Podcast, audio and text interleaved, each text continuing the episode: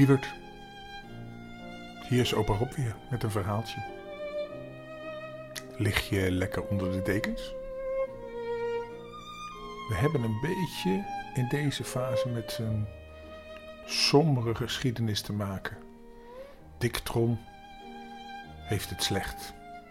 Althans, zijn ouders zijn arm. En hij moet ze helpen. En hij heeft bedacht dat hij ze het best kan helpen. Door in het leger te gaan. Want als je in het leger gaat, dan krijg je, als je het intekent, krijg je direct geld. En met dat geld kan hij voor zijn ouders een winkeltje kopen. En dan kunnen ze in hun onderhoud voorzien. Ik vind wel dat hij dat heel slim bedacht heeft, vind je niet?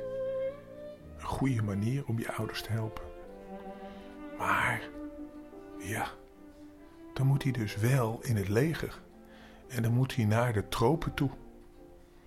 En in de tropen zijn er veel ziektes. En dan loopt hij dus de kans dat hij niet meer terugkomt. Dat hij doodgaat aan een ziekte. En weet je wat het mooie is van Dick Trom? Dick Trom krijgt altijd op de een of andere manier het geluk weer aan zijn kant. Er is altijd iemand die hem helpt. Let maar op, ook in dit stukje van het verhaal gaat iemand Dick Trom weer helpen. En het komt allemaal goed. Het komt allemaal goed. Kom, we gaan luisteren.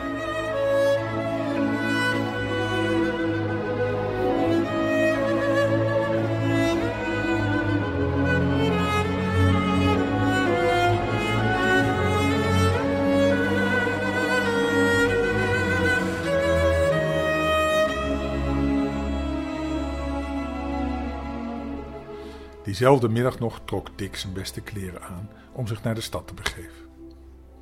Ach, Dick, mijn kind, zuchtte zijn moeder. Moet het nu al zo gauw gebeuren? Het scheiden valt me zo zwaar. Ja, moeder, het is hier ook hoe eer, hoe, hoe beter. We hebben geen cent meer in huis en ik krijg toch nog enige tijd verlof. Wat vind ik dat heerlijk, moeder? Dan kan ik u helpen verbouwen, verhuizen en alles in orde brengen. En voor vader een hitje kopen. Een hit, dat is een paardje en een wagentje. Nee, moeder, het is beter vandaag dan morgen. Ik heb geen rust voordat u goed en wel in uw winkeltje woont. Het was een teder afscheid. Alsof hij bijna al direct voor goed wegging. Kom moedertje, nu flink hoor. Morgen of overmorgen kom ik weer terug. Tot zo lang dus. Dick maakte zich uit haar omarmingen los en snelde de deur uit. Wat had hij zich in de tegenwoordigheid van zijn ouders goed moeten houden? Hij wilde niet in tranen uitbarsten. Want hij had zich nog nooit zo sterk gevoeld. Hij vond ze zo lief en ze hadden het zo nodig, dus hij moest ze nu helpen. Hij kon, door van ze te scheiden, goed voor ze zorgen. Voor goed, ja, want het was bekend hoe weinig mensen terugkeren uit de vreemde. De meeste jongens die als soldaat daar naartoe gaan, die gaan dood. Er zijn hardnekkige koortsen, waar menigeen een vroege dood in sterft. Nauwelijks had hij zich dan ook het laatste huis van het dorp achter de rug, of de brave jongen barstte in tranen uit en wrong met vertwijfeling in zijn handen. Oh, wat is het hard, wat is het hard. Oh, wat heb ik mijn ouders lief, mompelde hij, terwijl de tranen hem over de wangen biggelden. Doch opeens bedwong hij zich. Hij wierp zich eenmaal, keek hij om en hij wierp een blik op zijn geboortedorp, waar hij zoveel van hield. Hij zocht met zijn ogen nog eenmaal het rode dak van zijn eigen kleine woning, waar hij zoveel jaar gelukkig geweest was en dat hij achterliet. Hij liet achter wat het met dierspaars was op de hele wereld en toen vervolgde hij met flinke tred zijn weg naar de stad. In diepe smartelijke gedachten verzonken liep hij voort, het voorhoofd gefronst en met een droevige trek om de, om de mond. Een gure wind woei vlak in zijn gelaat, maar hij voelde het niet. Hij liep met gebogen hoofd en zo nu en dan prevelde hij kan niet anders. Het kan niet anders. riep hij steeds voor, voor zich uit. Het moet. Vader en moeder mogen geen armoede lijden. Ze mogen geen honger hebben, zolang ik er ben. En het zou een schande wezen als ik anders deed dan ik nu doe. Wat zullen mijn vrienden vreemd opkijken als ik als soldaat terugkom? Want dat verwacht zeker niemand van me. Toch zal het een troost voor me zijn, daar ginds in het verre westen, te weten dat vader en moeder het goed hebben. En dat zij op hun oude dag vrij zullen zijn van zorgen en armoede. En daarom het moet, hoe hard het ook is. Dick was zozeer in zijn gedachten verdiept dat hij niet eens merkte dat een rijtuig bij hem achterop reed. Hij ontdekte het pas toen het vlak achter hem was en een glimlach verhelderde zijn gelaat toen hij de brede molenwagen herkende, beladen met zakken en bestuurd door de eigenaar zelf. Over het laatste verheugde zich, hij zich nog het meest, want de molenaar was een oude vriend van hem. En dus kon hij bij zijn oude vriend nog eens hart uitstorten. De wagen hield stil. Meerijden, Dick, klonk het hem toe.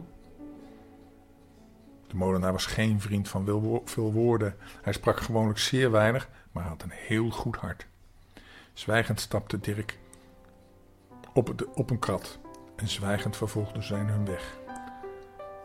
Maar na enige tijd, toen de molenaar, die van de zijkant zijn jonge, jonge vriend al een paar keer had aangekeken, plotseling vroeg: Zeg Dick, wat scheelt eraan? Ben je ziek? Nee, Van Dijk, niet ziek, maar toch lang niet vrolijk.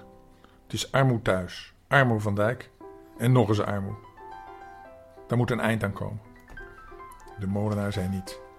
Hij vloog zachtjes tussen zijn tanden en zag weer van terzijde zag hij Dick aan, die met moeite een traan wegdrong. Ook Dick zweeg. Zo ging er weer een tijdje voorbij. En toen zei de molenaar: Armoede thuis? En hoe ga je daar een eind aan maken? Ik ga naar de stad. Ik ga tekenen als vrijwilliger. Ik ga naar de West. 400 euro handgeld zijn voldoende om het zaakje van mevrouw Boon over te nemen die naar de stad wil verhuizen. Zoals u al weten zal, omdat u het huis verhuurt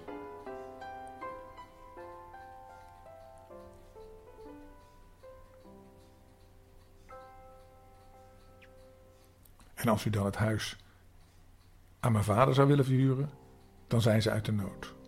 En dat wil u wel, niet waar? De molenaar keek stijf op de rug van zijn twee paarden. Hij knikte bevestigend, terwijl hij weer tussen zijn tanden floot. En hoe vindt je moeder dat, Dick? vroeg hij na een pauze. Ze vindt het hard, erg hard. Ja, het is hard. Het is erg hard klonk het uiteindelijk naast Dick. Ze waren nu een boerderij genaderd waar Van Dijk het erf op reed. Wacht even, Dick, dan gaan we samen straks verder, zei de molenaar, terwijl hij van het krat sprong en de zakken naar binnen ging dragen. Dick was geen jongen die van toekijken hield als er gewerkt werd. Dadelijk nam hij ook een zak op de schouder en volgde de molenaar. Spoedig was de wagen afgeladen en waren Smolensaars zaken bij de boer afgedaan. Ze namen weer plaats op het krat en reden het erf af. Tot Diks verbazing sloeg de molenaar echter de weg in naar huis, wat hij niet verwacht had. Hij legde zijn hand op de schouder van Van Dijk en zei: Ik begrijp, u gaat naar huis terug. Ja, dat weet ik wel. Wat zou dat? Hup, paarden, dan scheiden hier onze wegen, want ik moet naar de stad. Nee, niet waar, niet waar. Hup, paarden. Jawel, ik moet naar de stad. Hup, paarden, hup, paarden.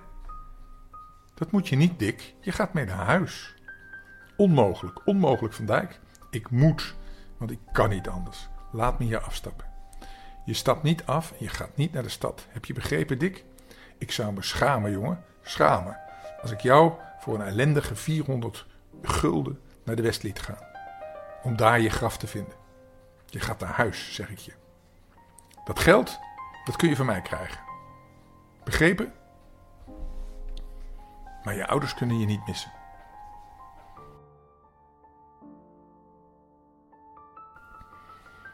De molenaar keek dik aan en knikte hem nog eens met een krachtige beweging toe. Hij had al veel meer gesproken dan die gewoon was. En hij wilde er verder ook geen woord meer aan verspillen. De zaak was gedaan.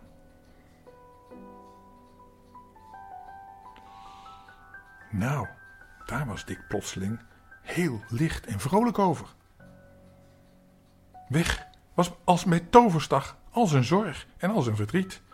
En in gedachten zag hij reeds hoe zijn lieve moeder zou huilen van vreugde. Als ze het zou horen. Wilt u mij dat geld lenen? vroeg hij opgetogen. En elk woord klonk, klonk als een juichkreet. Van Dijk knikte. Ach, ik wist dat u een goed hart had. Maar nu, nu maakt u drie mensen tegelijk gelukkig. Weer knikte Van Dijk. Het is goed hoor, jongens, sprak hij. Praat er nu maar verder niet meer over, de zaak is beklonken. Hup, paarden! Wat keken Jan Trom en zijn vrouw vreemd op toen Dick onverwacht weer binnentrad. En oh, wat klaarde hun gezichten op toen Dick vertelde wat er gebeurd was. Ze straalden van vreugde. Hun ogen blonken. Oh, wat een vrolijke lach klonk er weer in het eenvoudige huisje. De dagen van leed en droefheid waren voorbij. De armoede vloog het venster uit en er was geen sprake meer van een scheiding, die voor hun allen heel ongelukkig geweest zou zijn. Enkele dagen later betrokken ze de woning van vrouw Boon, waar ze het snel heel goed hadden. Trom nam de winkel waar, bij, welke bij de bezigheden die hem oververmoeid waren, deed zijn vrouw het. En Dick ging er dagelijks met paard en rijtuig op uit om de klanten buiten het dorp te bedienen en er nieuwe bij te werven. En het leek wel of iedereen het leuk vond om door ze bediend te worden, want elke week ging zijn omzet omhoog en klommen de verdiensten. Al spoedig konden zij het geleende geld bij de molenaar aflossen en na een paar jaar reeds moesten ze de winkel vergroten. In korte tijd hadden ze de beste zaak van het hele dorp en elke oudejaarsavond konden Trom en zijn vrouw een mooi sommetje geld terzijde leggen van hetgeen ze hadden verdiend. Dan keken ze elkaar dankbaar aan en gelukkig in de ogen voor onze dik. Het is een bijzonder jong en dat is hij. Nou jongens, dat is goed afgelopen hè? Mooi verhaal van Dick Trom heeft hij goed gedaan voor zijn ouders. We zijn heel blij.